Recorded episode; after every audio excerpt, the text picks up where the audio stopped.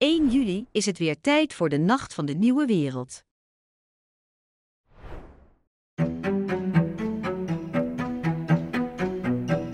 Uh, dus Wiersma heeft uh, met aan de zijde de inspectie en uh, wetenschappers en allerlei leraren die zich verenigd hebben, onder andere bij Beter Onderwijs Nederland, heeft hij een wat conservatiever standpunt.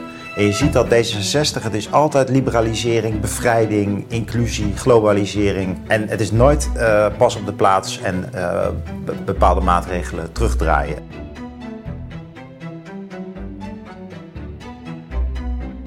ja, zolang als een mens bestaat, dat heeft omarmd. Mijn opa en oma. Gecultiveerd. Ja, die, ja, bidden was voor mijn opa en oma volstrekt normaal. Ja, voor mij ook. Ik heb iedere avond op mijn, op mijn knieën gebeden met de rozenkrans. En, uh, en ik, ik paalde me niet toen ik zeg maar in China ging, ging produceren. Daar is dat helemaal, bijvoorbeeld astrologie. Dan, dan zeiden ze, ja, we gaan de fabriek verdubbelen. En ik, waarom? Ja, dat zei de astroloog.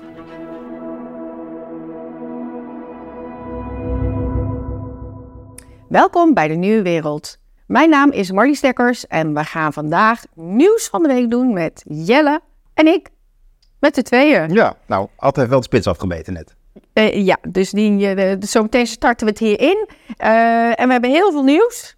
Ik heb heel veel nieuws verzameld. Dus ik ben benieuwd wat jouw reactie daarop is. Maar we beginnen met de brief van Dennis Wiersma. Of in ieder geval de brief die gaat over dat hij vertrekt. Ja, en dat is natuurlijk best, best een statement.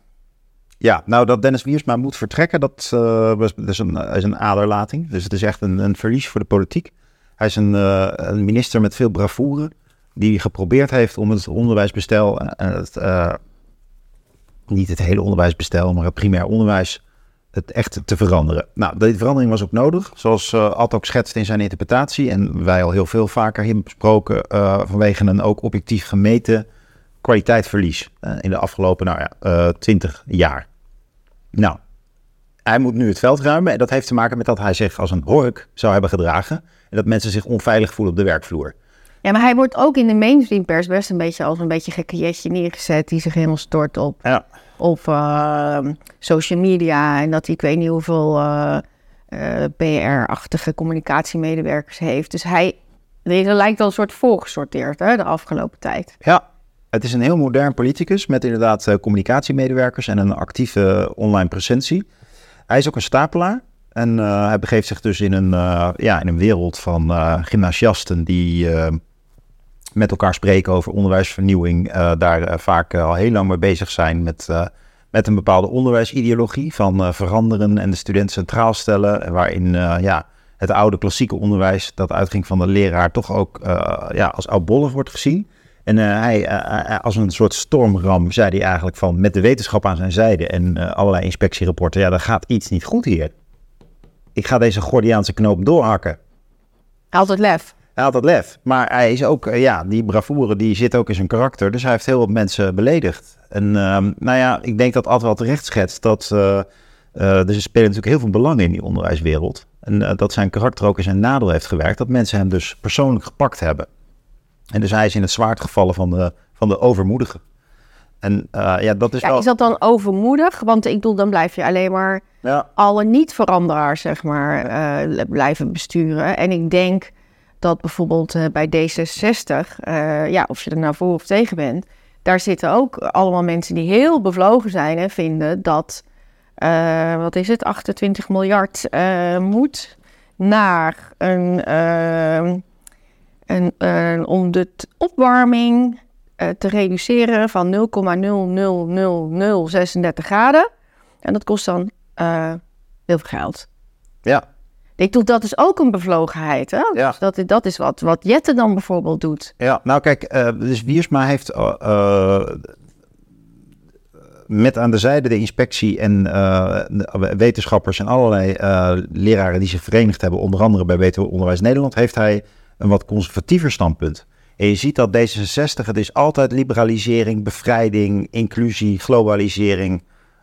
En het is nooit uh, pas op de plaats en uh, bepaalde maatregelen terugdraaien. Dus hij, hij, is een wat conservatievere man, eh, een jonge man, die ook zelf omhoog geklommen is via de verschillende onderwijslagen. Dus denk ik echt een essentieel onderdeel van zijn strategie geweest. dat hij ook vanuit eigen ervaring wist dat niet iedereen het leren komt aanwaaien. Ik denk dat hij vanuit een intieme kant van weten, om het zware woord maar te gebruiken, weet hoe moeilijk leren is voor veel kinderen. Terwijl veel mensen die de dienst uitmaken in ons onderwijsbestel, die hebben die hoogopgeleide gymnasiale achtergrond. En die komt meer aanwaaien. En die zijn dus meer gericht op uh, ja, de verleuking van het onderwijs. En, en überhaupt dat hij... Zo, en niet de basis gewoon goed voor in orde krijgen. En de basis op orde krijgen betekent gewoon ja, eh, veel meer focus op orde en discipline. En, en op cognitieve vakken en, en hogere eisen stellen. En, eh, en uh, het is wel jammer dus dat je ziet dat een minister uh, van de VVD dus niet voldoende borging heeft om een zware, stevige onderwijsagenda door te voeren. Er wordt gewoon tegengehouden door de ambtenarij. Nou, dat schetst Ad net ook wel aardig, om met andere woorden te zeggen. Je ziet dus dat de macht in het onderwijs niet bij de minister ligt, die uiteindelijk onderdeel is van een gekozen politieke partij, dus niet bij de democratie, maar bij de ambtenarij. Ambtenarij die bestaat uit mensen die zijn die zijn opgegroeid in een bepaalde onderwijsideologie met bepaalde agenda's, waar conglomeraatvorming bij hoort, met, met allerlei wetenschap die dat ook goed praat, maar die hebben gewoon belangen. Er zijn mensen die al 30 jaar lang het onderwijs proberen te vernieuwen, die haten de nieuwe conservatieve orde. Die willen ze naar buiten krijgen. En dat, is, dat, is, dat gebeurt. Hij is daar nu een slachtoffer van. Dit is gewoon een paradigma-strijd en hij is de verliezer. Maar. Wij zijn de verliezer. Ik identificeer me in, in hoge mate met wat hij wilde doen. En ik, en ik vind het uh, inderdaad ook opvallend. Uh, ik, ik, ik lees behoorlijk wat kranten, ook de Telegraaf. Ik ben, ik, ik ben echt van mening dat je met Volkskrant en NRC niet meer uitkomt.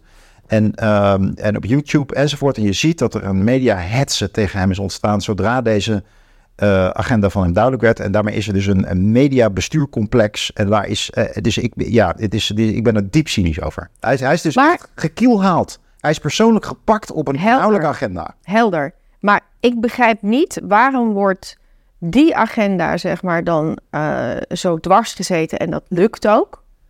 En waarom... Ja, dat is een progressieve agenda. Dus duur, ja, duurzaamheid en verandering, dat, dat hoort bij de nieuwe... Kijk maar even af, even af. Dus zo'n Jette die een gestoord bedrag, uh, eh, 18 miljard, ja. uh, uitgeeft voor, nog een keer, 0,00036 graden reductie aan opwarming. Dat is één dag China. Ja. Uh, dat is uh, uh, 6000 euro volgens mij per, per, per inwoner van Nederland. En dat dat dan lukt. Dus waarom zijn die tegenkrachten zeg maar dan niet groot genoeg vanuit of media intern bij de DG's of bij het ministerie of van hey, even... Ja. Nou, maar dat heeft echt te maken met belangen ook bij zo'n duurzaamheidsagenda zijn belangen gemoeid. En die belangen, die, uh, ja, die, die, die, die mensen zijn blij. Er zijn allemaal mensen die hier geld aan verdienen. En er is natuurlijk een idee fix nu dat we nu naar een duurzamere wereld moeten. En dat dat alles mag kosten. Ja, maar 0,000. Ja. Het is gewoon zo ridicuul. Het lijkt wel jikkevet. Uh, aan de ene kant wel. Aan de andere kant zien we wel vaker in het bedrijfsleven. En in, in, in, zeker bij de overheid, maar ook in het bedrijfsleven. Dat men denkt, nou weet je, we moeten het wiel opnieuw uitvinden. Er mag nu flink wat geld tegenaan, want we gaan een best practice uh, ontwikkelen. En het kan ook fout gaan. Het gaat er meer om dat er nu de beweging een, een industrie op, ja, de beweging moet een industrie worden. Dus de beweging moet nu vertaald worden naar concrete daden, instituties, bedrijven die nieuwe producten ontwikkelen. Dus dat is het idee. Hierachter zie je ook bijvoorbeeld bij elektrische autosubsidies. Uh, dat is meer een, een, de hoop dat dat een versneller wordt. Men hoopt niet dat, dat je met Tesla subsidie uh, duurzamer gaat leven. Nee, men hoopt dat de, uh, de industrie verandert. Dus men versterkt het met subsidies. In, met, met de wens dat daardoor spin-offs ontstaan, waardoor er wel een doorbraak komt. En dat geldt ook een beetje hiervoor. Dus je investeert heel veel geld om duidelijk te maken, jongens, dit is onze agenda. Maar waarom lukt die dan zo, wel ja, zo goed? Dat is een progressieve agenda, grof gezegd, waar veel mensen uh, in geloven. En de agenda van, uh, van Wiersma is, is strenger, gaat eigenlijk ook tegen ons mensbeeld in. Kijk, ons mensbeeld, Marlies, dat ik zie het ook uh, op, op de universiteit waar ik werk. Studeren moet eigenlijk leuk zijn. Het moet naast een baantje. Ja, ik, moest, ik, ik heb heel hard moeten studeren, ja. ook überhaupt begrepen. Ja, het hele idee van dat je, uh, dat je hoge eisen stelt, dat je weinig begeleiding krijgt, dat is helemaal weg. Die, die studenten worden helemaal ingebakerd als, als, als, als, als als, als een soort van studerende baby's. En ik, ik, ik ben zelf ook wel wat harder naar mijn studenten. En ik, ja, de fun factor hebben. Ja, het moet de fun factor hebben. En ik merk ook studenten die hebben helemaal niet per se die wens zelf. Het is meer hoe het systeem ingericht is. Hoe meer je studenten eigenlijk uitlegt als je dit en dat doet en, en de commentaar geeft op de inhoud om te excelleren, hoe meer uh, er ook mensen komen die dat gaan doen. Dus het is helemaal, maar het is de idee fix van, het, uh, van, van hoe de hogescholen, universiteiten, ook MBO's en ook de lagere scholen werken. En er zit een kern van waarheid in. Aan de ene kant is ons land uh, getergd en gaat het gebukt onder gevoelens van burn-out. En dat heeft natuurlijk te maken met dat veel dingen niet meer leuk zijn. Aan de andere kant hebben we dus een onderwijsbestel waarin gewoon niet voldoende eisen worden gesteld. Nou, en dat heeft niet alleen maar te maken met de verhouding leraar-leerling, maar ook uh, met waar gaat het geld heen? Uh, middenmanagementlagen, conglomeraatvorming. Dus het, het, geld, het geld gaat niet meer naar uh, het primaire onderwijs toe. En al helemaal niet, de leraar is in die zin zeker in, op de basisonderwijs ook een onaantrekkelijke job geworden. Ja, dat moet, dus, hetzelfde in de zorg. Hetzelfde in de zorg, ja. Dus die, die mensen hebben minder zeggenschap over hun werk. Uh, veel eisende leerlingen en uh, prima salaris. Ja, dat is, dat is in deze tijd niet meer genoeg. Maar daar zit, een hoop, er zit een hoop overheid omheen. Ook als je uitrekent wat er gaat naar computersystemen, uh, naar, naar, gebouwen, naar, naar, naar, naar, naar onderwijsvernieuwing en cursussen. Dan zie je dat heel veel geld dat naar het onderwijs gaat, uiteindelijk niet in die verhouding leerling-docent terechtkomt. Ja, indirect wel, maar niet direct. Ja, en uh, goed. Dit zijn uh, lijnen die uh, Wiersma volgens mij wilde uitwerken. En hij is nu opgeofferd. Er zit ook een politieke kant aan. Hè? Dus dat het, Ad wees er ook al op. Maar het is natuurlijk al heel, heel opmerkelijk dat de VVD zo'n jongen door het ijs laat zakken. De, de meest belovende politicus binnen, de, binnen het VVD. Hoe jij dat dan? Dat, dat, dat zij niet om hem heen zijn gaan staan? Nou kijk, als Rutte met de vuist op tafel zou slaan dan zou hij zeggen van oké, we gaan het zo organiseren dat hij zich niet meer zo kan gedragen. Zou hij dat veel beter monitoren en uh, hem helpen zich te verdedigen tegen uh, zijn eigen woede aanvallen. En er zit natuurlijk ook een, er zit echt een filosofisch punt in. Nou, wat is woede? Ben je boos omdat je boos bent? En, en dat is wat de wokies zeggen eigenlijk. De wokies zeggen ja, hij is niet geschikt als leidinggevende. Hij kan mensen niet op één lijn krijgen. Maar dat is een verkeerde opvatting van woede. Het is niet alleen maar iets emotioneels. Hij is emotioneel omdat hij ergens voor staat. Hij wordt woedend omdat er, er, staat iets op het spel. Dus hij heeft inhoudelijk gelegitimeerde woede. En, Rutte had dat moeten omzomen. Kijk, als hij helemaal niet boos zou zijn, dan zou die agenda dat nooit. Hij, hij, was revolutionair in die zin, dus dat zou hem nooit gelukt zijn. Dus hij moest boos worden. Alleen ja. Uh, en, en, de, en, is iets van die conservatieve agenda. Wat hij dan wilde. Hogere, hogere eisen stellen aan, aan, uh, aan leesonderwijs. IJsverhoging, ja. Gewoon dat nivelleren, die, die, die schaal, Precies. die glijdende schaal ja. erop zitten, dat, stoppen. Ja, en conservatief, kijk, zo zou hij het waarschijnlijk zelf niet eens noemen. Het gaat, het, er waren echt allerlei inspecties die ook erop wezen dat je eigenlijk, je moet dus terug naar autoriteit eigenlijk. Ja. En daar krijg, krijgen... Kreeg je de handen niet voor op elkaar? Nee, maar daar krijgen veel mensen natuurlijk rillingen van, alleen al van dat woord. Ja, krijgen mensen rillingen voor, ja. Terwijl ondertussen hebben ze het natuurlijk allemaal nodig, hè. Dus uh, ja. daar moet je ergens op oriënteren. En, en iedereen weet dat als je goed hebt leren lezen... Uh, en uh, een e-mail kan formuleren op je, op je veertiende... Ja, dan ben je al lang en breed van de basisschool, hè. Hoe handig het is. Ja. Dat begrijpt iedereen. Ja. ja. dus maar om, dat nou, om nou te accepteren dat sommigen dat niet kunnen... en dat er dan een bepaalde oplossingsrichting nodig is... Maar kijk, het heeft ook in die, die, met die woke-cultuur te maken in de zin van dat, heeft, dat, dat slaat natuurlijk op een soort verkwetsbaring van de maatschappij. Dat iedereen maar kwetsbaar geworden is. slachtofferschap. Ja, slachtoffer. Maar dat zag je ook in coronatijd. Iedereen kwetsbaar en mogelijk ziek worden. En dat is allemaal helemaal verschrikkelijk. En die, die, die verkwetsbaring die maakt ook dat mensen echt heel snel eigenlijk beledigd zijn.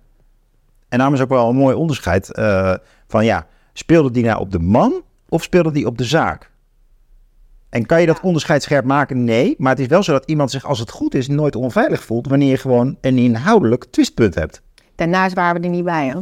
Nee, het kan natuurlijk zo zijn. Nou ja, en het is wel ook, het is de media wel aan te rekenen dat we ook echt ook helemaal niks hebben gehoord over die grensoverschrijdende acties van hem. Het is allemaal, ja, er zijn mensen burn-out geraakt. Ja, nou, ik ken heel veel mensen die burn-out zijn geraakt. Dat zou ook met andere dingen te maken kunnen hebben. Ja, daarom. Dus het is natuurlijk ook ik bedoel, ook dat, we hebben het hier vaker ook bijvoorbeeld bij Matthijs van Nieuwkerk. Ik vind het toch sieren om een beetje daarin dat mensen intern dat kunnen uitzoeken. Ja. En niet dat wij als maatschappij gelijk al dat vanuit gaan dat dat klopt of waar is. Of dat iemand al schuldig is voor, voordat het een beetje uitgezocht is. We zijn, we zijn bang voor een soort giftigheid en giftige mannelijkheid. En die, die angst die projecteren we op allemaal mensen. En het is vaak helemaal niet bewezen dat er sprake van is. En dan wil ik trouwens niet goed praten dat hij ongetwijfeld ook een eikel is. Hij is ongetwijfeld een eikel in dat soort... Maar misschien heb je soms een eikel nodig. Ja, ik denk even terug aan de, aan de grote innovatoren. Aan, aan uh, de broers Philips. Aan vader en zoon Philips. Denk je dat dat lievertjes waren of zo? Ja, je bent zelf ondernemer. Met aardig zijn, dat, je moet soms ja, uh, richting kunnen aangeven en kunnen knippen. En... Ja, het is ook weer van, ja. is het niet aardig of is het bevlogen? Weet je, je kan, je kan dat natuurlijk op zoveel manieren allemaal interpreteren. Daar heb ik echt heel veel moeite mee, met vooral als het een interne bedrijfscultuur heb. Ik zie, ja, dat moet daar opgelost worden. Uh, en ja, dat dat, dat dat zo gebruikt wordt als argument, ik vind dat, ik vind dat best heel lastig. Maar ik wil nog even iets anders tegen jou uh, aanhouden van... Uh, Pieter Omzicht, die uh, heeft ook een, uh, een brief hier, wat hij op Twitter zette, over de Belastingdienst met betrekking tot de Algemene Verordening Gegevensbescherming, AFG. Nou, ik heb daar als bedrijf, ieder bedrijf, we worden daar natuurlijk helemaal op gequizt. Soms vraag jij wel eens van, goh geef even dat telefoonnummer van die en die. Nou, dan ben ik, omdat ik helemaal getraind ben, AFG weer door mijn team je mag niet zomaar een nummer. ik heb natuurlijk ook wel nummers van best hele bekende mensen. En je mag nooit zeg maar nummers zomaar geven aan een ander, weet je wel, vanuit deze wet. Nou, daarnaast moeten wij onze data helemaal daarop afstemmen. Nou, dat nemen we echt super serieus. Helaas, denk je dat je bevriend bent met Marlies en dan... Uh, ja, nee. Geen toegang tot mijn netwerk. Nee, geen toegang tot Madonna.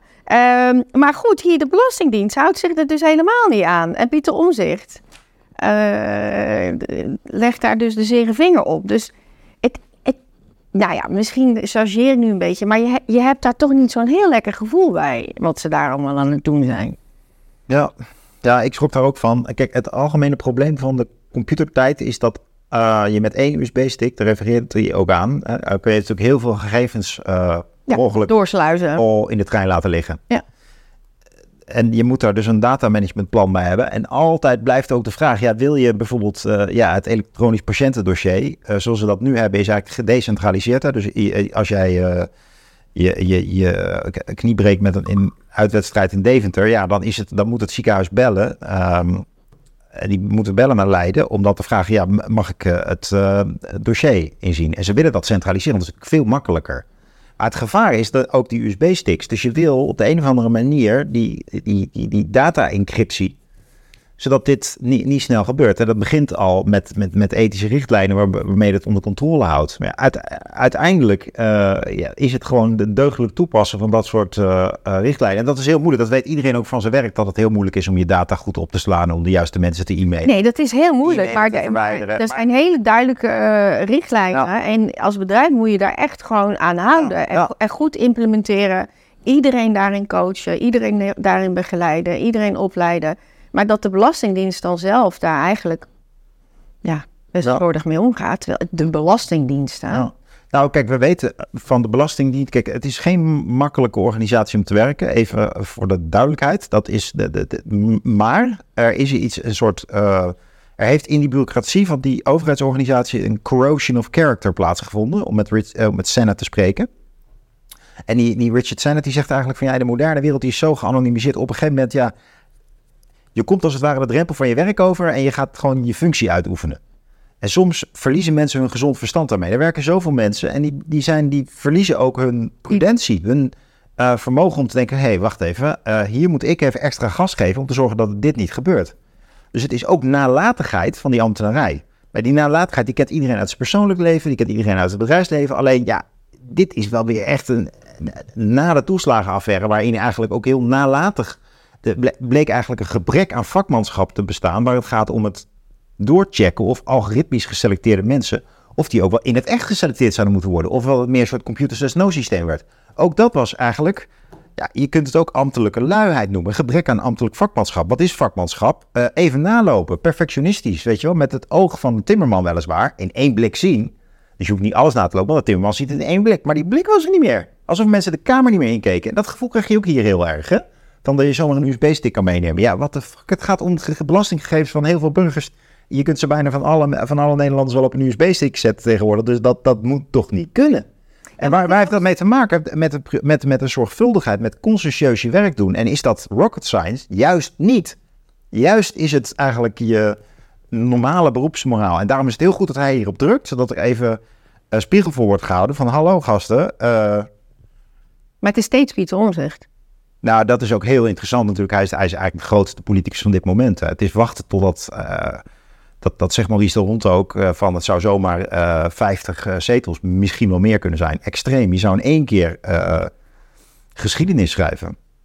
Als hij zich zou aanmelden als politieke partij. En ik, ik, ik, maar wat zit de rest dan allemaal te doen? Doe, hoe, ja. En hij heeft nou, ja. anderhalf medewerker. Ik, het is onmenselijk ja. dat hij zich in ik kan in de voorbereidingen voor de Nieuwe Wereld, wat ik bijna ook aanraak, ik kon Pieter Omzicht tegen.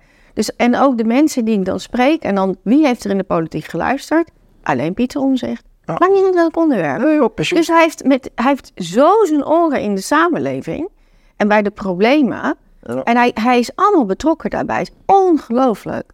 En de rest, hoeveel mensen zitten er dan niet? Nee, maar Marlies, we weten ook uit eerdere gesprekken wel eens van... Hè, dat jij wat, wat, wat, wat radicaler, wat rechtser of zo... en ik wat linkser, wat conservatiever in onze gesprekken zitten. Dat is ook altijd leuk. Ja, als je ons tegenover elkaar Ja, als je ons tegenover elkaar verzet. Dus misschien kunnen we zo meteen nog even Robertje vechten. Maar daarom vind ik het extra leuk dat jij nu zo'n pleidooi voor hem houdt. Want dan zie je dus hoe divers uh, nee, ik ben, hem echt dol op hem hoor. Ja, nee, ja, dat, eh, ik, ik, van hem ga je, ga, je, ga, je, ga je rustig slapen. en dat je denkt, ik hoef, ik hoef het allemaal niet te doen. Net als wat bij de Nieuwe Wereld. Want iemand let goed op de tent. Ja. Nee, nou, het is bijzonder dat jij het zegt. Kijk, ik wil graag dat de Nieuwe Wereld boven de politieke partij staat. Maar het mag best gezegd worden, hier is een, dit, dit is een staatsman die eh, larger than life is. En het is wachten totdat hij zegt, ik wil president worden. Ja. Nou, misschien hebben we het over volgende zijn misschien niet eens. Weet ik niet. Ja. Helemaal niet aan mening. Hugo de Jong die heeft een nieuw ideetje. Die vindt dat uh, koopwoningen tot 355.000,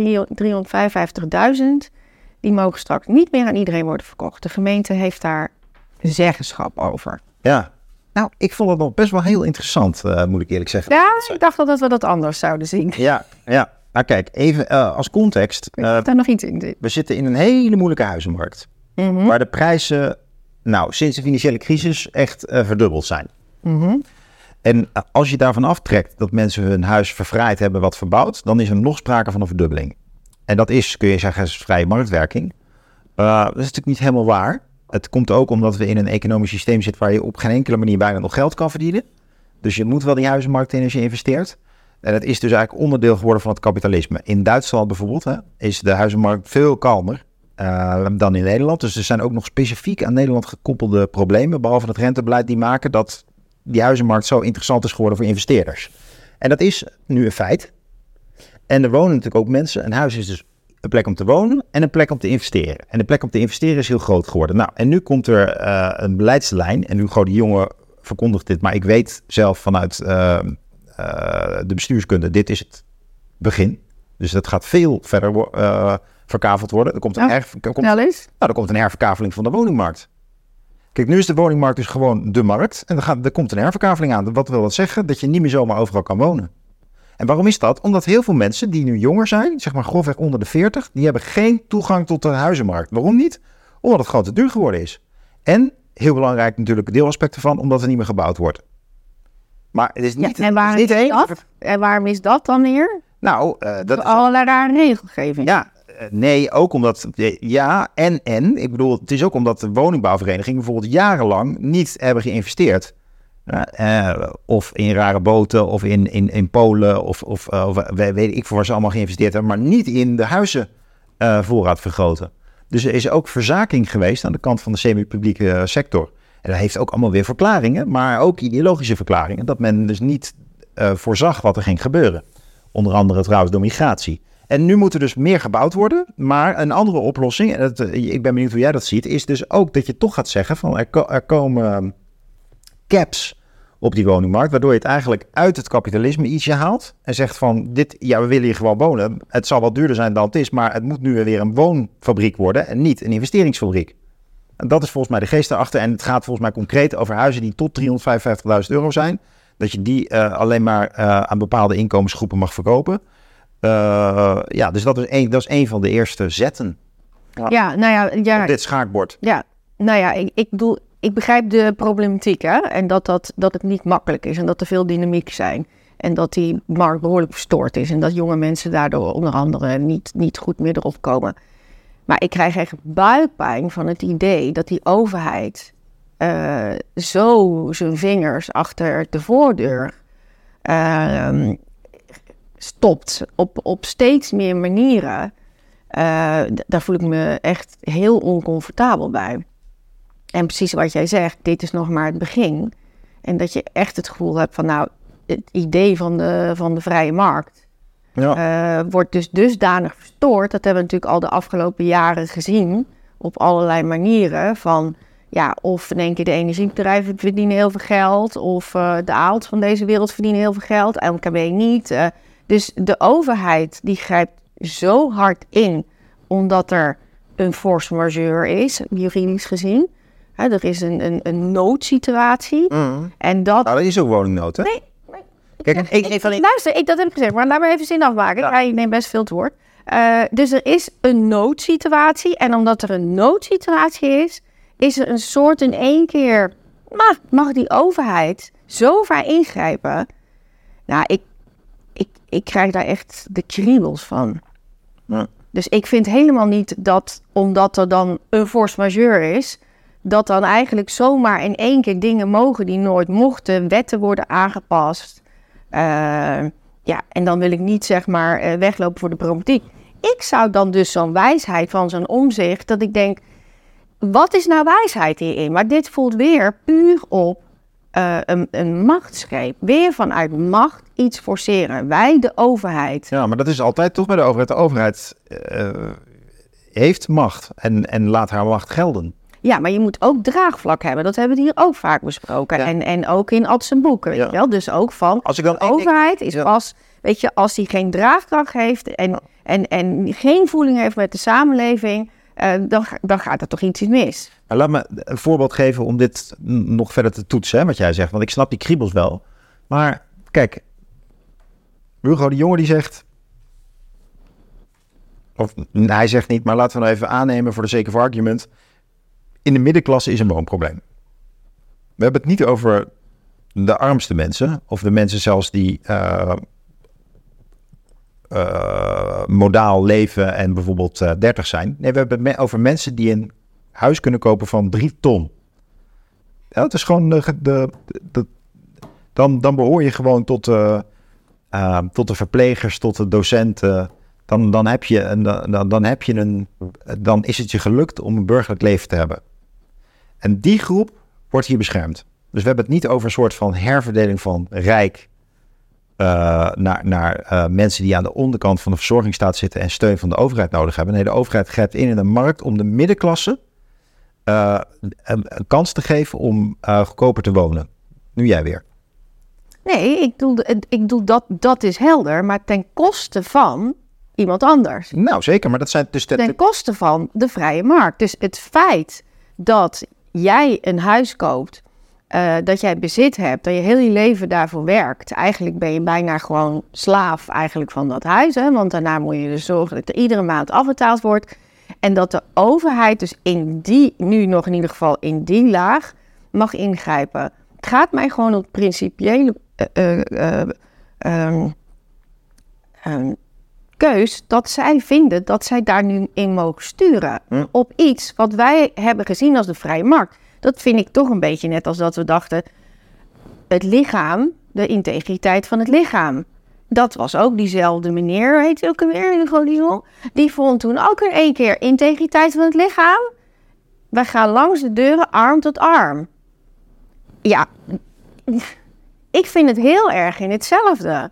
Van, van jij, gaat, jij gaat over een, echt over een grens heen ook al zie ik de problemen en, en, en duik ik niet weg voor de problematiek, problematiek maar ik vind de oplossing veel erger dan, dan, dan het probleem wat we hebben. Ja, ja. Want we hebben dan in één keer een heel ander land. Ja, nou, ik denk wel dat hier een, niet per se nou zulke problemen ontstaan door deze maatregel. Maar we, we zullen het wel zien hoe het verder uitpakt. Ik denk in ieder geval wel Het dat... gaat om het principe. Dat, Ja, dat maar- we nu een regering hebben. Ja, maar de verhouding, dat overheid, over, verhouding overheid-markt is niet principieel. Dus dat is, dat is alleen in een heel specifiek wereldbeeld zo. Die, is eigenlijk, die, die, die spelen op elkaar in. Dus we hebben nu een hele grote fase van marketing gehad en financialisering van de huizenmarkt. Dat is een heel groot probleem geworden in de zin van de huizenmarkt genereert geen huizen meer. Dus het loopt in zichzelf vast. Daar komt nu een correctie op. Dus we gaan, en dit is pas het begin, denk ik. En het zou best kunnen dat we in een cyclus zitten, een golfbeweging, dat bijvoorbeeld over 20, 30 jaar de boel weer liberaliseert. Oké, maar ik kan daar niet zo uh, chill uh, over zijn als jij. Ik, ik, ik, Ja. ik, ik vind dit echt Ja. Eh, be- heel benauwend, dat idee. Ja, nee, maar dat, is, dat snap ik ook. Het is ook benauwd, want de overheid gaat eigenlijk zeggen dat eh, jouw huis, jouw stenen, eh, ja, dat is toch niet helemaal van jou. Nee, met al een hele veel belachelijk hoge WOZ-waarde. Nou, eten, laten we nou iets Nou, af. daar, daar- zeg je iets, want je ziet dus, kijk, dat, dat wordt een van de andere instrumenten. Ehm, eh, je hebt pacht, hè, nog in, in sommige steden, bijvoorbeeld in Amsterdam. En ik denk ook dat dat ook een van de knoppen wordt waar men in de toekomst aan gaat draaien. zijn ze nu al aan het doen? Dus- in Amsterdam. Dat is echt, dat is belachelijk wat Ja, we daarvoor Ja, vragen. nou, maar ik denk ook only the beginning. Dus wat ze gaan doen is, ze gaan gewoon eh, kijken naar van eh, wat voor wijk woon je, wat voor inkomen heb je. Ja. En dan gaan ze de WOZ dus personaliseren. Of niet de WOZ, maar de pacht. Amsterdam onbetaalbaar. Dat is al helemaal zo van ja, dat, daar zitten toch iets uit zit door die rijkstinkers. Dus laten ze maar lekker veel uh, daarvoor Ja, dus dat is, dat is ook een manier waarop ze eh, proberen om meer belasting te innen op huizen en het oninteressant te maken om eh, meerdere huizen te hebben. En dat is natuurlijk dus ook nog een lijn van... maar dat dus- meerdere huizen hebben, dat is natuurlijk ook zo in een, in een, in een donker eh, eh, daglicht komen te staan. Terwijl Hm. heel veel hebben gewoon die huizen mooi opgeknapt en, en, en verhuren het. Weet je, dus ook Ja. dat is door Hugo de Jong nu eh, via een wet anders belast. Waardoor geen één investeerder zegt: Ik ga niet meer in onroerend goed. Dus overheid, doen jullie het nu allemaal maar. Ah, het is bemoeilijkt, dus ik herken nou, dit heel... moeilijk. Het is echt. Nou ja, het niet meer door. Dat is ja, je hebt al- geld toegeven. Dan moet je een filantroop zijn. Ja, je moet heel veel geld nu betalen als je een huis koopt om te gaan verhuren. Ja, moet je extra belasting overdragen, dat klopt. Ja, en dat is weer toch weer ook met het idee dat er eh, dat heel veel nieuwe huizen in het bezit komen van mensen die al daar een slaatje uit proberen te slaan, in plaats van mensen die er willen wonen. En het tegenargument is natuurlijk bestaat ook van ja, zonder die investeerders kunnen heel veel mensen zo'n huis niet huren. Dat argument bestaat ook. Maar goed, zo heb je dus eh, de nieuwe pacht, de- deze herverkaveling van de, van de middenmarkt tot eh, de 3,55. En ehm, dit, dit vraagstuk nu eh, van eh, meerdere huizen in bezitten. En dat, dat En box 3, hè? dus het eh, vermogen naar box 3 eh, overhevelen. Dat, dat hangt natuurlijk ook boven de markt. Ja, dus zo zie je verschillende knoppen waar men nu mee aan Allemaal vermogen draait. En, en hierachter zit dus dat in Nederland ook bijzonder veel investeerders, in, gewoon ook eh, MKB'ers, die hun pensioen niet hebben opgebouwd volgens het pensioensysteem. Want waren ze natuurlijk niet verplicht, pensioenplichtig. En eh, ik geloof dat wel 25% van de Nederlanders eh, heeft ook geen pensioen opgebouwd. En een deel daarvan is natuurlijk gewoon heel bewust zelf geld aan het investeren. En dat gebeurt heel vaak in huizen. Dus, eh, Is het moreel ook slecht? Of? Nee, Oké, natuurlijk niet. Maar dat proefde dat. Nee hoor, je proeft niks. Het gaat ermee, nee, ik wil het begrijpen. En wa- wa- wat, wat levert dat begrip op? Dat je dus ook ziet van ja, kijk, het was ook in Nederland eigenlijk alleen maar een veilige investering om daar eh, in te gaan zitten in die huizen. Eh, en de studenten in te zetten. En dat lijkt me ook eh volstrekt legitiem dat dat zo gebeurd is. Maar hoezo is dat zo gebeurd? Hoezo is dat zo gekomen? Nou, dat komt bijvoorbeeld dus do- doordat, eh, ja, het is niet zo interessant om in obligaties te gaan. Je hebt een bepaald renteregime, waardoor je het op de markt op de bank laten staan geld ook lange tijd helemaal niet interessant was. En eigenlijk nog steeds niet. Dus je dreef je eigen burgers met dat financiële monetaire regime, dreef je ze ook in de handen van de huizenmarkt. Dus eigenlijk ook een consequentie van het hele economische plaatje. Dus ik begrijp die MKB heel goed, want hij moest een pensioen opbouwen. En hij dacht ook, ja, als ik naar pensioenfonds ga, ja, wat is dan precies mijn zekerheid? Dus ik begrijp hem heel goed. Ja, we hebben nu eh, als eh totaal effect wel heel veel mensen die een, die een pandje hebben in, eh, in Den Haag, Utrecht of Amsterdam. En dat betekent dat daar toch de woningmarkt eh, nu zo getransformeerd is dat er en heel veel rijke mensen wonen en heel veel arme mensen. En de middenklasse eigenlijk eh, moeilijker plek kan vinden. Dat was 20 jaar geleden nog niet zo zichtbaar. Ja, dat is toch een consequentie. Ja, dan moet je wel, ja, wat, jij hebt ook oog voor die problematiek, moet je wel bedenken van wat gaan we dan doen eraan? Ja, maar ik vind dit een, een, een hele radicale, eh, moeilijke keus. Maar we gaan even iets leuks ook doen. Eh, 21 juni was een mooie dag, de langste dag. Eh, archeologen ontdekken 4000 jaar oud heiligdom met zonnekalender in Tiel. Nou, jouw hart ging helemaal open daarvan. Zeker. Jou ook? Ja, epic. En ook zo trots dat dat toch in Nederland dan ook was. Ja, ja, ja, ja. Dat is iets heel, ja, heel mooi. Het is een soort Stonehenge, toch, hier? Ja. Ja, dus een, er is bij Tiel een uh, 3.500 jaar oud, als ik het goed onthouden heb, heilige plek ontdekt. 1000 jaar, zeggen ze? 4000 jaar zelfs. Ja. Van, um, dus in de buurt van Tiel. En daar zijn een aantal heilige plaatsen waar mensen begraven zijn en waar ook een zonnekalender in zat. En 800 jaar is die werkzaam geweest. Ja. Geweldig, toch? Maar je stel je voor maar niet dat je archeoloog bent. Je bent met je collega's daar al zes jaar aan het tandenpoetsen. En je weet, zometeen gaat bol.com hier een gigantische container neerzetten. niet te doen. Er is geen tijd meer. Je zit niet in de buurt van Misschien moeten we dat even beter uitleggen. Hè? Dus, want ik bedoel, dit is ontdekt en die archeologen waren bezig. En nu denk je dat wordt dan een nieuwe uh, ja, toeristenplek. En dat is niet zo, want er komt een of ander hele grote ja, er is er al. Volgens mij staat er al een. een, het, is al een verdoosde plek, ja. ja. Komt, komt, komt een grote opslag. Maar daar, komen we zo nog op. Want ik wil nog even naar die archeologen toe, die daar dus aan het werk zijn. Want zo gaat het vaak in Nederland. Als je dan iets gaat bouwen en er is bouwgrond, dan heb je nog het recht als archeoloog onderzoek te gaan doen. Zeker als je verwacht dat er wat is. Ze doen daar dus jarenlang onderzoek. En op enig moment is er iemand. En die ontdekt een schedel en een, en een, een, soort van uh, medaillon. En die liggen op een bepaalde plek. En dan denk je van, hé, maar dit. En dan vallen de puzzelstukjes van jarenlang onderzoek doen met elkaar, vallen op elkaar. En dat is gewoon, dat is wat een doorbraak is. Dat is waarom je, dat heb je natuurlijk als ondernemer ook, dat je denkt op een gegeven moment van, dit werkt, het wordt verkocht. En dit, dit moet wetenschappelijk zo mooi geweest zijn, dat die gasten daar bij de koffie kwamen en dat lieten zien aan elkaar en doorwerkt en doorwerkt. En dan, dan merk je dus, het is een cirkel. Er zijn, uh, het verhoudt zich tot elkaar. Er zit een zonnekalender in. Wauw. Weet je wel, het een doorbraak. En dat duurt jaren en dan opeens, bam. Ja. En dan, dan, heb je waarheid, dan heb je waarheidsvindingen. In de zin van, je hebt iets uh, uit de vergetelheid gehaald. Nee, je hebt zeker uit de vergetelheid gehaald. Hè? Maar het is natuurlijk altijd een interpretatie. Hè? Dus dat moeten we ook nog altijd. Het is niet dan weer de, de waarheid. Het is een interpretatie. Nou, zeker. Maar we hebben, uh, Wouter Post geeft, doet daarover ook al gesprekken bij ons als onze nieuwe wereldarcheoloog. Het is wel ook een, een, uh, een echt een, een, serieuze tak van sportarcheologie. Dus, en met die artist impressions komt het helemaal tot leven. En dan, ja, ik dacht toch, ik, ja, ik was ook een klein beetje emotioneel onder, omdat het toch een heilige plek is. Er wordt eigenlijk een heilige plek aan de vergetelheid onttrokken. Mhm. En hoe mooi is dat? Want wat is een heilige plek?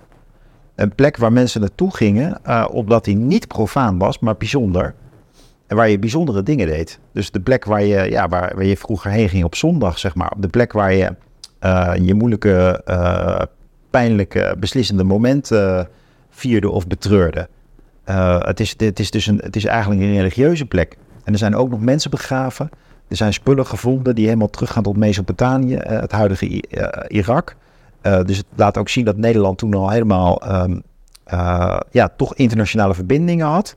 Overigens, Nederland was toen dus een, een wereld van jagers en verzamelaars. Maar ook, terwijl heel, heel Europa eigenlijk al langzaam een landbouwwereld werd, wij waren daarin wat traag, zo gezegd. Dus een soort breukvlakken. We zijn vrij laat um, op echte plekken uh, uh, blijven, blijven zitten. En dat is toch, en het is nog niet zo heel lang geleden, maar er is toch uit die periode dus wat overgebleven. En dat, ja, dat is toch.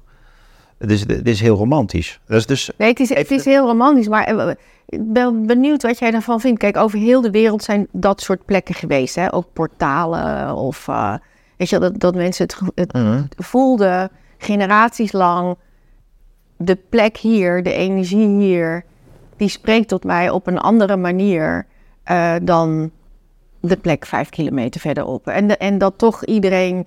Uh, op Ibiza heb je dat bijvoorbeeld bij Esvedra. Dat is een magnetisch veld ook, een van de vijf magnetische velden. Dat spreekt enorm tot de verbeelding, zeg maar. Ja. Van die plekken op de wereld. En dat generaties lang daar of gebeden hebben of het gevoel hebben, ik heb hier meer contact met het Godenrijk. Of wat vind jij van het gegeven dat, nou, buiten dat we wel de tijd nemen om die archeologen werk te laten doen, maar dat we eigenlijk bijna dat soort plekken niet meer hebben en dat we dat vinden we een beetje, ja, misschien ook wel een beetje vreemd. Dat, dat, dat wij als mens dat hadden, dat is niet nodig. Dus dat een moderne mens dat zo ja, van zich heeft afgeschud als zijnde onnodig. Ja, ja, de moderne mens is vervreemd van de natuur en van de kosmos. Dus van de natuur in geestelijke betekenis en ook van, van de eigen geschiedenis. Dus het is juist die, vervre die vervreemding die zorgt ook dat we op een bepaalde manier dolgedraaid zijn. Dus ik denk dat het heel goed is om in je leven bepaalde rituelen in te bouwen die, die, die uh, diepte geven, die je herhaalt, die niet zo in het hoofd zijn, maar bepaalde handelingen. bijvoorbeeld mediteren of, of op een bepaalde manier lezen. En, om, om, om, en dat is niet alleen maar een parkeerplaats om even uit te razen van je carrière, maar het is juist een plek waar je, het is een bron. En uh, dat heilige zit natuurlijk in kerken ook. Of dat is een van de redenen waarom ik graag in, in, in kerken ook op vakantie ga. Altijd even in kerk even uh, de, de sfeer uh, inademen. Maar met de ontkerkelijking ja, is ook de vraag van ja, waar, waar zijn dan nieuwe, nieuwe heilige plekken? En ik denk soms wel eens van ja, die geschiedenis zelf is ook. Het is een, een mooie stadswandeling of oh, je verdiepen in zo'n historische vondst is ook eigenlijk, het is tijdelijk, maar het is ook, ja, het is ook de, verbonden met een plek, ja. En dat we dat moeilijk kunnen voelen, dat, ik, ik zie dat als vervreemding. Dus ik denk als je gevoelig, gevoelig bent, dat je het voelt. Ja, maar dat, vooral van, dat we dat nu labelen als het toch een beetje raar bent. Ja. Als je dat voelt. Terwijl, zolang als we terugzoeken naar de mens, ja. heeft hij daarmee geleefd. Hè? Dus hier ook 4000 jaar geleden stond hij daarmee in contact. En, ja. Ehm, en dat we nu dat bijna zien als soort primitievelingen. Of uh, van ja, als je je uh, richt op, de, op, op, op het heelal of de kosmos of het goddelijke of op dat soort plekken. Mm. Ja. En dan laat ik een voorbeeld nemen. Dan, dan, dan, dat staat zo tegenover die technocratie ook. Ja. Nee, mensen leven in de machine, uh, om met Paul Kingsnorth te spreken. En om een voorbeeld te noemen, in, in die ontdekking nu in Tiel uh, van een zonnekalender uh, spelen de uh, jaarwendingen een belangrijke rol. Waaronder dus 21 juni de zomerzonnewende. En, dat is en toen was het ook de dag dat ze naar buiten bracht. Ja, dat is wel heel mooi, toch? Ik denk dat ze erop gewacht hebben, denk ik. Ja, nou sowieso, ze hebben gewacht tot het ook dat he helemaal is afgegraven. Ze waren echt ook bang dat mensen er een heiligdom van wilden maken. Dus het moest verdoosd worden, het kapitalisme moest winnen. Uh, terwijl je zou ook kunnen zeggen van waarom is dat eigenlijk zo gaan gek? Het is meteen alles wat er over is, is naar een museum. Overigens zie je deels in Leiden. Ook wel een beetje curieus hoor. Uh, maar goed, dat is een ander gesprek. Uh, die, die, die zomerzonnewende, wat is dat eigenlijk? Nou, dat de zon heel dicht bij de aarde staat. in het teken kreeft. En je, je kunt dat spiritueel ook interpreteren. En, maar laat ik eens beginnen met de observatie dat ik zelf meer met de seizoenen ben gaan leven. Ehm, toen ik daarover begon te lezen. En nu ook meen te kunnen voelen in wat voor tijd we leven. Dat is al met de stemming in de avond. En, uh, ja, de energieshift die je voelt. Ja. Ook in jezelf. Ja. Als je daarvoor voor, voor tuned. Ja. Ja, en dan resoneert dus de kosmos eigenlijk al in je. Van dat je denkt van ja, ik snap het eigenlijk wel waarom mensen dit periode van de kreeft hebben genoemd. En, en, en dan kun je natuurlijk weer eh, spiritueel interpreteren. Bijvoorbeeld sommige oerteksten die zeggen van ja, dit is eigenlijk het moment waarop uh, het kosmische lichamelijk wordt. Dus de, de, het is een incarnatiemoment. Je, je bouwt er ook het, het, hele leven naartoe. Hè? Dus in de, eh, in de wintersolstice, dat is eigenlijk wanneer we kerst vieren, dan wordt het licht geboren. En nu is het op zijn felst. En er is eigenlijk een hele dunne relatie nu tussen, ja, tussen het kosmische en het aardse. En religies hebben dat natuurlijk op verschillende manieren geprobeerd te framen. Maar, je, kan het, je kan het daardoor bijna aanraken? Je kunt, ik, ik denk dus zelf in toenemende mate, dat weet jij persoonlijk voor mij, de kerkers weten het maar een beetje, maar dat je daar dus rituelen voor hebt om dat verdieping te geven, ja. Ja. En, uh, maar en ik ben daar... wij, wij hebben ook samen een beetje afgesproken privé dat we ook zelf daar meer een soort coming-out in gaan doen, toch? Ja. Dat, dat dat ook toch ook belangrijk is ja. in die technocratische samenleving. Ja. Om, om daar dat wij ja. beide vinden het eigenlijk wel heel belangrijk om daar ook ruimte te maken voor in je leven. Ja. Maar ik. het wordt wel toch heel snel vreemd gelabeld. Ja, maar je kunt ook zeggen, Marlies, dat de mensen die dus... ik probeer bijvoorbeeld te mediteren met een bepaald ritme... en rekening te houden met uh, bijvoorbeeld de stand van de maan. Nou, uh, dat kun je uh, vreemd vinden. Maar mensen die, die als je die gevoeligheid daarvoor opbouwt. Het is net als met yoga, dat je je benen begint te voelen. Toen ik dat nog niet deed, toen voelde ik ook die plekken in mijn benen niet. Ik was gewoon eigenlijk achteraf gezien. Ik was niet, uh, ik ben nu niet raar. Ik was toen afgestompt. Mooi gezegd.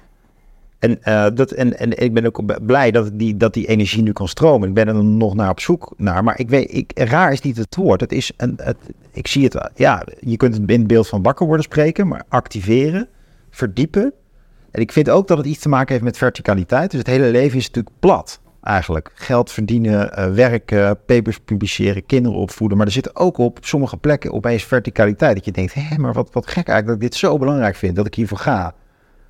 Uh, dat ik het voel. Even, ja, nee, want ik denk dat niet veel mensen begrijpen wat vertica verticaliteit is, als op de manier die jij bedoelt. Ja. Bedoel je dan, er spreekt iets tot je? Ja, bijvoorbeeld dat, eh, dat, ik, dat ik iets lees en dat het met een bepaalde fijnzinnigheid is of een bepaald oorgevoel wordt gecommuniceerd. Het kan ook uh, tv-series zijn, maar ik denk van, verdomme, wat is dit goed? Wat is dit goed? Uh, dat is dan esthetische kwaliteit, die verticaal is in de zin van dat ordent mijn behoeftes, dat ordent mijn kwaliteitsoordelen. Of dat ik een avond met mijn vriendin ben en dat we een gezellige gesprek hebben en dat we, en dat ik denk van, het is helemaal, ik leef helemaal. Ik, ik ben helemaal nu samen. Er is nu echt intimiteit. En, dat, en wat is dat? Dat is iets anders dan wanneer het er niet is. En dat, dat kun je herkennen. En daar kun je op gaan oriënteren. En denken, oh, wat, wat moet ik eigenlijk doen om zo'n situatie te creëren? Moet je dan samen uit eten gaan of, of uh, complimentje geven? Zo simpel werkt het natuurlijk niet. Maar, en dat is ook denk ik met, met, met spirituele praktijk het geval. Je kunt dus je best doen om uh, daar diepte in te vinden.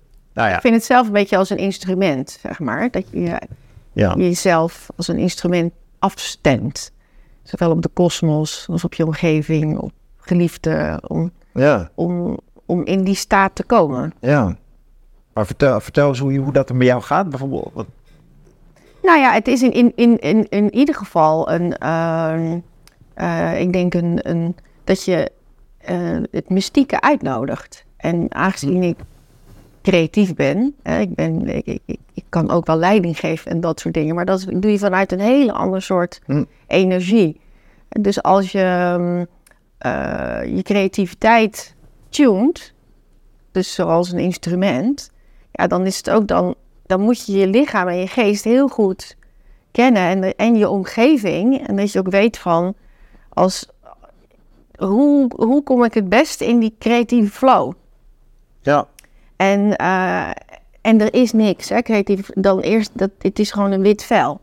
Uh, er is nog de meeste mensen reageren op iets. Hè. Zelfs op de stand van de maan is al reageren op iets. Ja.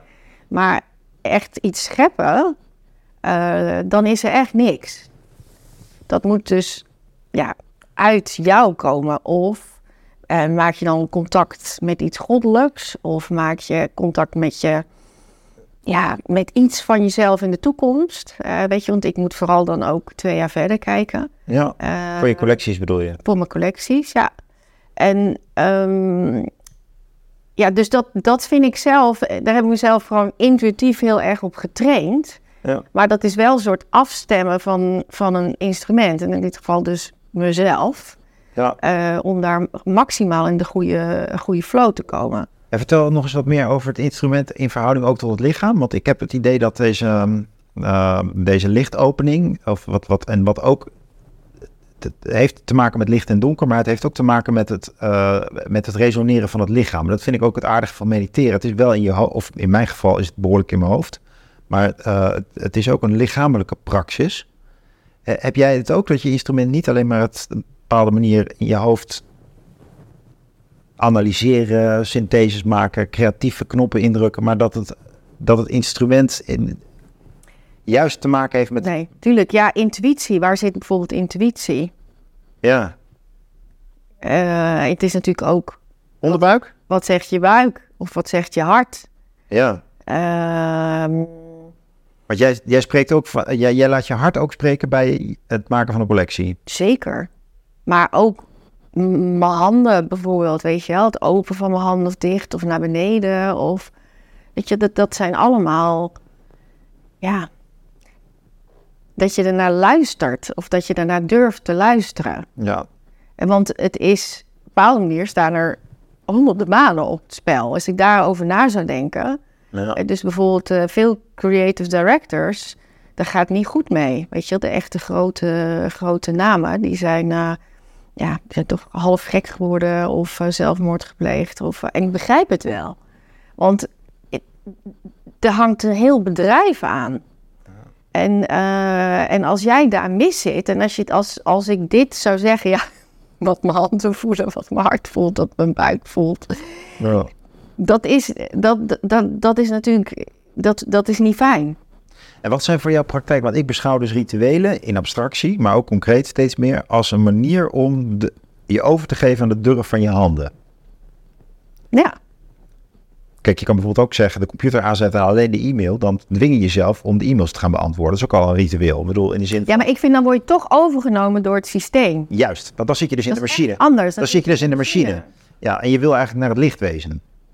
Om maar even zo te zeggen. De, de- je wil naar het licht. In, of de, naar jezelf niet als eh, handelend wezen, maar als ontvankelijk wezen. Ja, absoluut. Maar dan begint het, in ieder geval bij mij, totaal loslaten van alle angsten. Maar ja, Eerst ook. bijvoorbeeld de angst dat je er geen mooie collectie van maakt of zo. Ja, van welke eigenlijk ook. Hm. Het lichaam moet helemaal vrij zijn, zeg maar. Moet helemaal... En als je, ga je dan wel naar verlangens toe? Of moet je ook de verlangens uitschakelen? Want dat zeggen ze natuurlijk in de Oosterse filosofie wel. Hè? De ahankara, de, de, de hunkering letterlijk, ehm, van het ego. Ehm, die hunkering moet je op de een of andere manier... Ja, je, bijvoorbeeld ook in meditatie, je voelt hem opkomen, maar je moet, je moet je er toe verhouden. Dus het niet alleen de angst, het is ook het behoeftige. Ik, ik heb er zelf een ambivalente verhouding toe, want ik vind juist dat de angst of de hunkering mij ook... eh, Ja, maar die brengt mij niet, vind ik, tot, tot, tot nieuwe dingen. Dus eh, als die aanstaat, dan kom ik op een zeven, zeg maar. oh ja. En, en, en dat andere kan me wel echt naar een tien brengen. Mm. Dus, dus dat, daar zit wel... Maar ja, het is natuurlijk heel erg vaag praten. Dit is zeg maar voor... ehm, maar voor mij is het wel een heel wezenlijk eh, onderdeel van, eh, van, van mijn zijn en van creëren. Ja, nou ja, ik, ik, kijk, als filosoof, ik, ik ken mijn bronnen. En eh, bijvoorbeeld Socrates, de grote Socrates, die eh, wordt ook wel beschreven als, eh, ja, meditatie is dan niet het woord, maar dan staat hij opeens vertwijfeld met een groep daar in die polis verdwaasd voor zich uit te kijken en dan is hij in trance. En dat Ja. gebeurt op verschillende momenten in het oeuvre van Plato. En heel veel mensen denken, wat is dat nou eigenlijk voor iets geks? Maar dat is precies dus die, die, die, ehm, die instemming of die, die, die, die resonantie met iets, met, met iets anders. Dat is de vita contemplativa.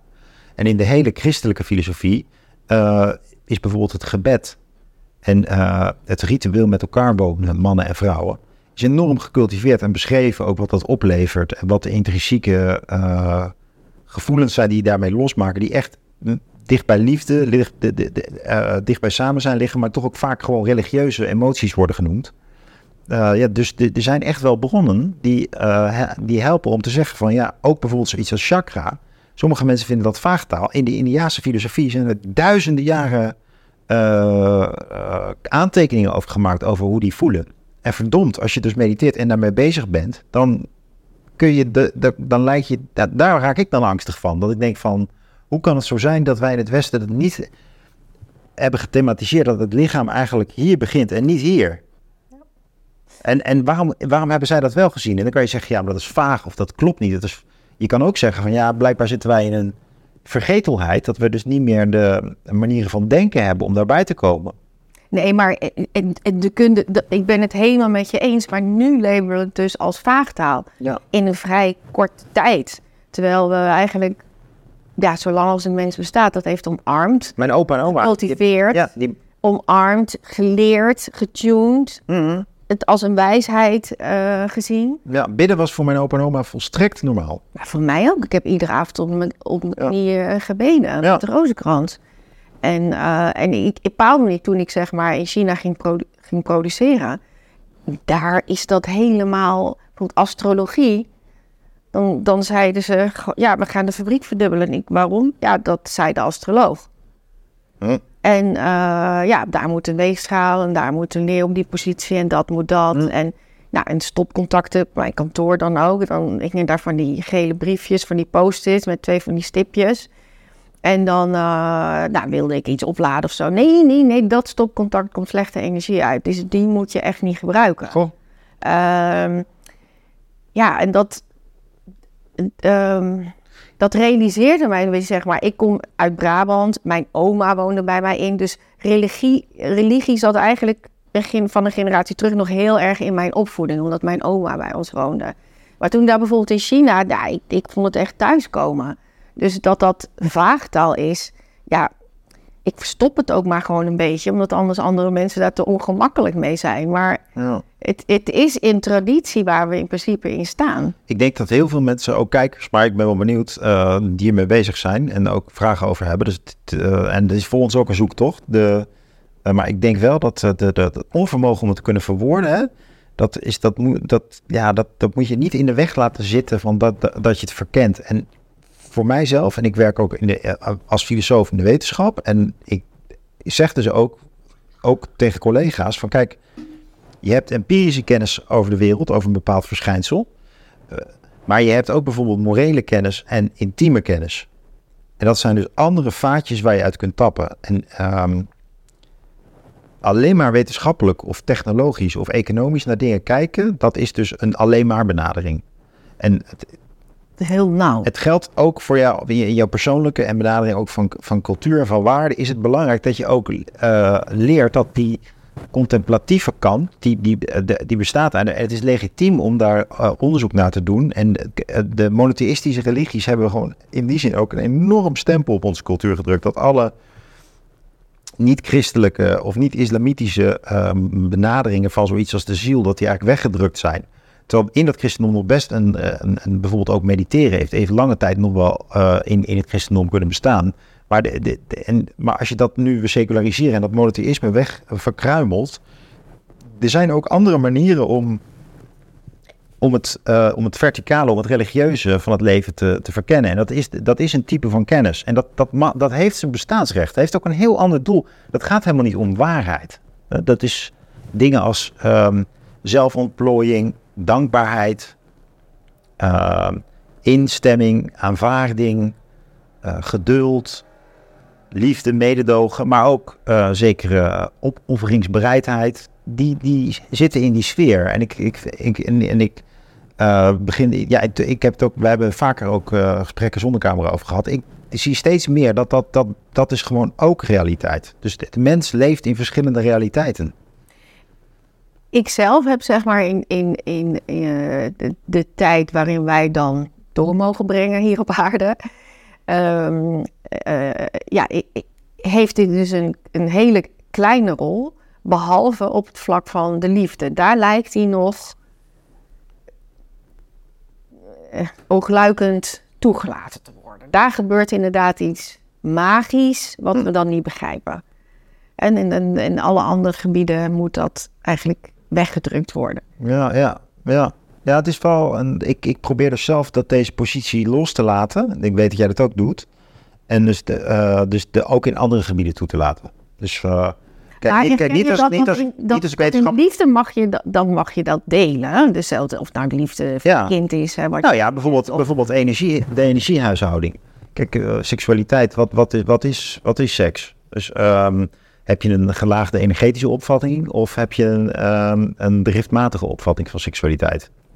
Daarin zit het bijvoorbeeld al. In liefde sowieso het idee van een zielsverwant. Of dat je je, uh, je vrouw of je man gevonden hebt. Dat, uh, daar, daar zit, dat herken ik heel erg. Ja. ja, maar dat is natuurlijk, uh, als je dat... Volgens mij zijn we hier al een keer eerder ook op, opgekomen van dan... In de, in de tijd dat porno ook zo'n grote rol heeft ja. En dat staat daar natuurlijk haaks op. Hè, keuren wij volgens mij beide porno niet per se af, maar het, het zeg maar juist het mystieke ook van erotiek. Ja. Daar gaat het nog maar heel weinig over. Ja, weet ik niet. Ik denk dat heel veel mensen er naar hunkeren. Dus de, uh, daar gaat het over. Ja, ik ben sowieso voor een rijk media dieet. Dus uh, in mijn, ja. Ja, mag het, mag het beide. Ja. Maar mensen hunkeren ernaar. Maar is het sowieso niet dat uh, toch steeds meer mensen, toevallig hoor ik het in mijn omgeving van, um, dat ze hun hart zo leeg voelt. Ja, nou, dat is, daar word ik verdrietig van als jij dat zo zegt. Ik word er ook heel verdrietig van. Ja. Maar ik denk wel dat dat iets is wat best breed leeft. Ja.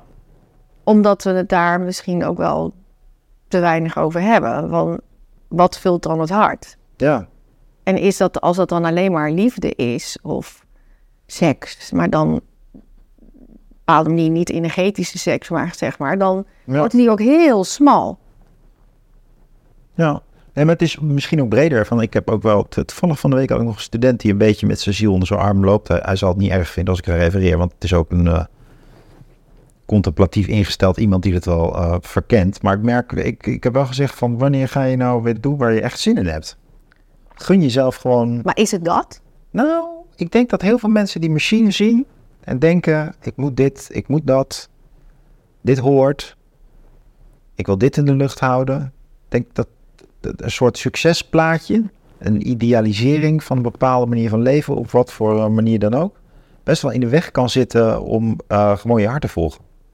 Maar, maar zijn weet je hoe je hart moet volgen? Dat is ook als je, als je hem zo niet open hebt gezet. Ja, dat is een goede vraag. Ook het hart kan afgestomd zijn. Ook het hart kan afgestomd zijn. Ja. Dus dat, dat, is, dat is natuurlijk omdat we al die tools niet meer. Ja. Uh, nou, één tool die ik vind nog wel echt leeft, is dat, dat je via, de, via het hart van een ander. Dus dat um, je, je, je komt een vriend tegen of je maakt een vriendschap en je denkt van, maar dit wil ik ook. Dat kan, het zit al in kleding in de mode, maar dat, dat mimetische, dat je denkt, maar dat, zoals, dat, zoals die dat onder woorden brengt, of zoals diegene dan beslist om zo te leven, dat is toch heel inspirerend. Hè? Dus dat, het hart kan in die zin wel... Ja, ik denk, voorbeeld. Ja, ik denk zeker mannen, uh, vrouwen... Uh...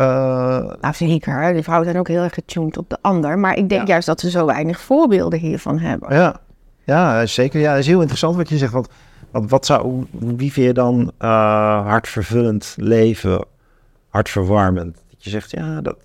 Nou, je ziet in ieder geval wel, zeg maar, in, uh, bij vrouwen... Uh, als je dan hier hebt over die zo'n zonnekalender... maar vrouwen hebben toch een bepaald soort vrouw veel meer naar een soort heksenkringachtig idee. Of die staan toch meer open voor occulte dingen, of voor astrologie, of voor um, ja. irrationaliteit, zeg maar. Want zo wordt het dan gebracht. Um, ja, je kan ook zeggen de ziel. Ja, kan de ziel. Die, ik denk dat die ook van nature dichter bij hun tranen staan. dus als het hart overloopt. Ja. Um, dus ik denk dat vrouwen eigenlijk juist wel ja, dit eigenlijk zo nodig hebben. Ja, ik denk mannen ook wel hoor. En ik denk ja, daarom is het wel mooi dat wij dus zeggen, want dat bij vrouwen zie ik dit. Maar ze herkennen niks in de samenleving bijna. Je ziet dan wel op, omdat je dat vroeg, op Instagram, TikTok, wel steeds meer die ook een ander soort vocabulaire gebruiken, zeg maar. Hè? Dus dat, dat, dat niet, niet zo dat harde, ja, dat wordt dan ook best echt hard belachelijk gemaakt weer door, door een, um, een andere stroming. Maar goed, dat mag. Maar ik, ik, zie wel daar een kleine ja, beweging in. Ja, ja mooi gezegd. Ja, je moet niet te veel bezig zijn, denk ik, met, met, met critici. Dat is de... We zullen hier ook weer allemaal kritiek krijgen. Ik denk dat van de, gast echt, zoek je eigen praktijk, dan ga jij lekker niet mediteren. Uh... Ja, maar het is niet alleen mediteren. Nee, nou, uh, dat klopt. Dat klopt. Ja, meditatie is een techniek, een lichte techniek. En um, uh, voor een deel is dat het, een verkenning van, het, van wat je kunt voelen. En voor een deel verwijst het natuurlijk naar meer, ja. ja naar, um... Maar ik vind het ook, het is ook een, verwon een, een, verwondering in het leven staan, of bescheidenheid, of al die dingen die jij net zei. Ja. zei of, um... Nou, het ook wel een zekere hardheid. Dus als je het hebt over de mannelijke uh, hartsruimte, ik denk wel dat uh, het zou ook verkeerd zijn, denk ik, als mannen, wat nogal de trend uh, lijkt te zijn. Hè? Mannen die verzachten en dan krijg je dus een soort vrouwelijke mannen. Ik, heel veel mannen hebben volgens mij juist de behoefte om um, op een um, oprecht authentieke manier juist te, verharden, ook naar zichzelf. Het je hebt natuurlijk verschillende soorten mannen, maar ik denk dat dat de, het mannelijke hart ontsluit wel op een andere manier dan het vrouwelijke hart. Om te beginnen denk ik wel over het algemeen gesproken, generaliserend gezegd, moeilijker. Ja, nee, het is natuurlijk... dat man het wat moeilijker vindt. Op chakra's is het natuurlijk... Uh, bij de vrouw zit het in het kruis gesloten. En is het hart makkelijker open. Uh, en bij de man is het kruis makkelijker open en het hart gesloten. Dat is natuurlijk het, het hm. standaard uh, chakra. Ehm, hm. Dus als er iets geopend moet worden, is bij de vrouw meestal in het kruis en bij de man het hart. Hm. Omdat dat zich daar verkrampt mm, mm. het bij het een of het andere geslacht. Dus, maar hoe zou je dat dan afronden? Want we zitten nu, uh, we hebben heel veel punten niet gehad, maar we zijn wel mooi afgedwaald. Ehm, hoe zou je dan dat mannelijke hart verharden? Hoe zou, hoe zou je dat omschrijven? Ja, dat is een goede dus vraag. Dan kunnen wij daar wat van, van leren. Of is het nog niet, nog niet in woorden gevat? Nou, eerder bracht ik ehm, het idee in van, ja, wat vind je nou eigenlijk belangrijk in het leven? Dus wat, wat is nou het, het, het verticale? En dat is uh, ook natuurlijk wel uh, mannelijk iets. Hè? De, uh, erectie zelf is al verticaal. Dus de, wat is, de, wat is, de, wat is de, de richting van het leven? Ik denk dat je als, als man misschien meer dan een vrouw kan nadenken over, ja, uh, wat vind ik nou prijzenswaardig? Wat, waar wil ik nou voor gaan? Ik denk dat heel veel mannen zich laten meeslepen door dit moet of dat moet of ik wil zus. En het moeilijk vinden om te bedenken wat zij super belangrijk vinden. En, ik, en het is de ontvankelijkheid voor je eigen hiërarchie die jij stelt. En uh, het is misschien ook een beetje uh, een, een, platte, een platte gedachtefiguur. Maar uh, ik denk wel dat als je zelf weet wat je belangrijk vindt, dat je dan ook soort van open gaat. Dat je denkt van ja, maar ja, natuurlijk, dat kan jij vinden, dat kan allemaal. En daar ben ik ook niet veroordeeld over. Want dit, dit, ik weet, ik weet waarvoor ik het doe. En dat is wel, ik denk dat... Je weet waarvoor je het offer brengt. Ja, waar, ik weet wat ik mooi vind. Ik weet wat ik goed vind. Of ik weet, en dat kan iets heel kleins zijn. Zeker als je wat jonger bent, dan ben je natuurlijk nog niet bezig met en een mooie kledingstijl, en een goede studie, en een goed beroep, en een gezin, en een huis, en een vakantie. Er is nog geen sprake van. Je bent nog aan het verkennen, je bent verdwaald. Maar het gaat er wel om dat je al eerst de pakketpaaltjes gaat slaan en denken van, nou, dat wil ik. Ja, maar het is ook wel dat je heel veel tijd moet investeren voordat je weet wat je wil. Dus of dat je ja. gelezen of heel veel kilometers iets moet hebben gezien. Ja. Of, uh, ja. Uh, ja, die bibliotheek moet toch behoorlijk rijk zijn. Ja. Uh, met associaties. ja, dus daarom ben ik ook heel erg voor. Zoek leermeesters, ga op sporten, ga, um, um, laat je inspireren, houd moed in dat je je calling, je beroeping, uh, dit, en is deels beroep, werk, maar deels ook breder, dat je wel, dat je daar ontvankelijk voor bent. En wat betekent die ontvankelijkheid? Nou, precies volgens mij heeft het heel veel te maken met dat je dus met hart en ziel je kan overgeven aan iets waarvan je zegt, ja, maar dit vind ik belangrijk. Dus, en ik denk dus dat heel veel mensen sleurmensen zijn. Hè? Dus die, dat zijn zeg maar de, de, de dreuzels. Dus de, de, de dreuzels die zeggen, ja, het bestaat allemaal niet. Er is geen onderscheid in het leven. Het is gewoon allemaal even belangrijk. Jij vindt dit alleen maar leuk omdat je vader je zo heeft opgevoed. Ja, dat, eh, dit, nee, dat geloof ik niet meer. Maar uh, dit klinkt natuurlijk hopeloos abstract. Ik, ik snap dat. Uh, ja, maar die hardheid in, in, in het hart, ik bedoel je dan, is dat, is dat toch ook een soort durven dan te kiezen? Of durven daar de discipline op te zetten? Ja, durven daar de discipline op te zetten, ja. En durven, te, durven daar om te huilen. Ook durven te zeggen van ja, maar dit uh, ook tegen je vriendin. Van, dit is voor mij gewoon heel belangrijk. En uh, durf voor te staan? Ja, en tegen vrienden te zeggen. Van, uh, dat is niet makkelijk. En ik denk dat dit maar een aspect is van het mannenhart hoor. Dus het, uh, er zijn ongetwijfeld nog ve vele andere facetten aan. Ik ben, ik ben, je, de kijkers zullen me ook niet kennen als iemand die die, die gevoeligheid nou zo uitdraagt of zo. Dus misschien zeggen mensen ook wel van ja, Jelle, je kijkt er nou wel heel autoritair naar. niet veel bezig zijn met de omgeving. Nou, nou ik wil graag wel leren. Nou, Jelle, uh, ik vond het een heel mooi gesprek vandaag. Ja, het was heel openhartig. Ja, het was heel openhartig. Misschien ook door, door hoe de zon in de maan staat. Ja. Dankjewel. Leuk Marlies.